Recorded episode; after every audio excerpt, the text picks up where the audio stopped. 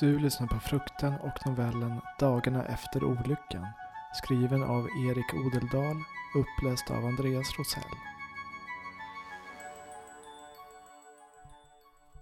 Den första dagen fick människor panik. De satte sig i sina bilar och åkte så långt de kunde eller låste in sig i sina källare. Tätade sprickor under dörrar med ihoprullade handdukar och tejp. Jonas var en av dem som stannade. Den andra dagen var lugnare. De som hade flytt var fortfarande borta och de som stannat kvar tryckte fortfarande i källarna. Den tredje dagen gick många upp på gatuplan för att proviantera. De förde med sig någonting tillbaka till källarna via strålningsberikad mat och kontaminerat vatten. De som flytt i tid insåg att de aldrig skulle kunna återvända. De sörjde och gick vidare med sina liv. Dag fyra började specialkommenderade styrkor att bygga barrikader runt området. Dag fem började Jonas att upptäcka små förändringar i huden på sin vänstra handflata. Små, hårda knottror. De kliade. Han tänkte att det nog berodde på att han inte lämnat källaren på snart en vecka. Inte hade han duschat heller, eller ens bytt kläder. Dag sex hade knottrorna spritt sig upp längs underarmen. Dag sju kliade hela hans kropp och ögonen klibbade igen. När han rev med fingrarna på ryggen lossnade långfingernageln.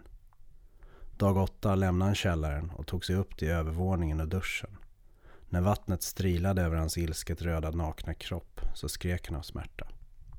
När han satte sig upp på morgonen den nionde dagen så lämnade han all hud på ryggen kvar på madrassen. Han försökte skrika men stämbanden fungerade inte längre.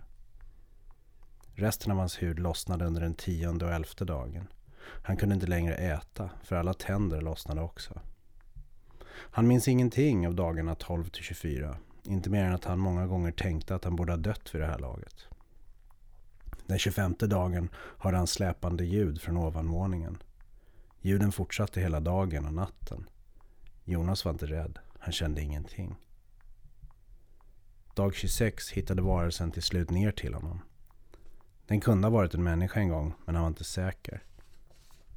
Den la sig bredvid honom på madrassen. De låg där länge, bredvid varandra. Jonas undrade om det var så här resten av hans liv skulle vara.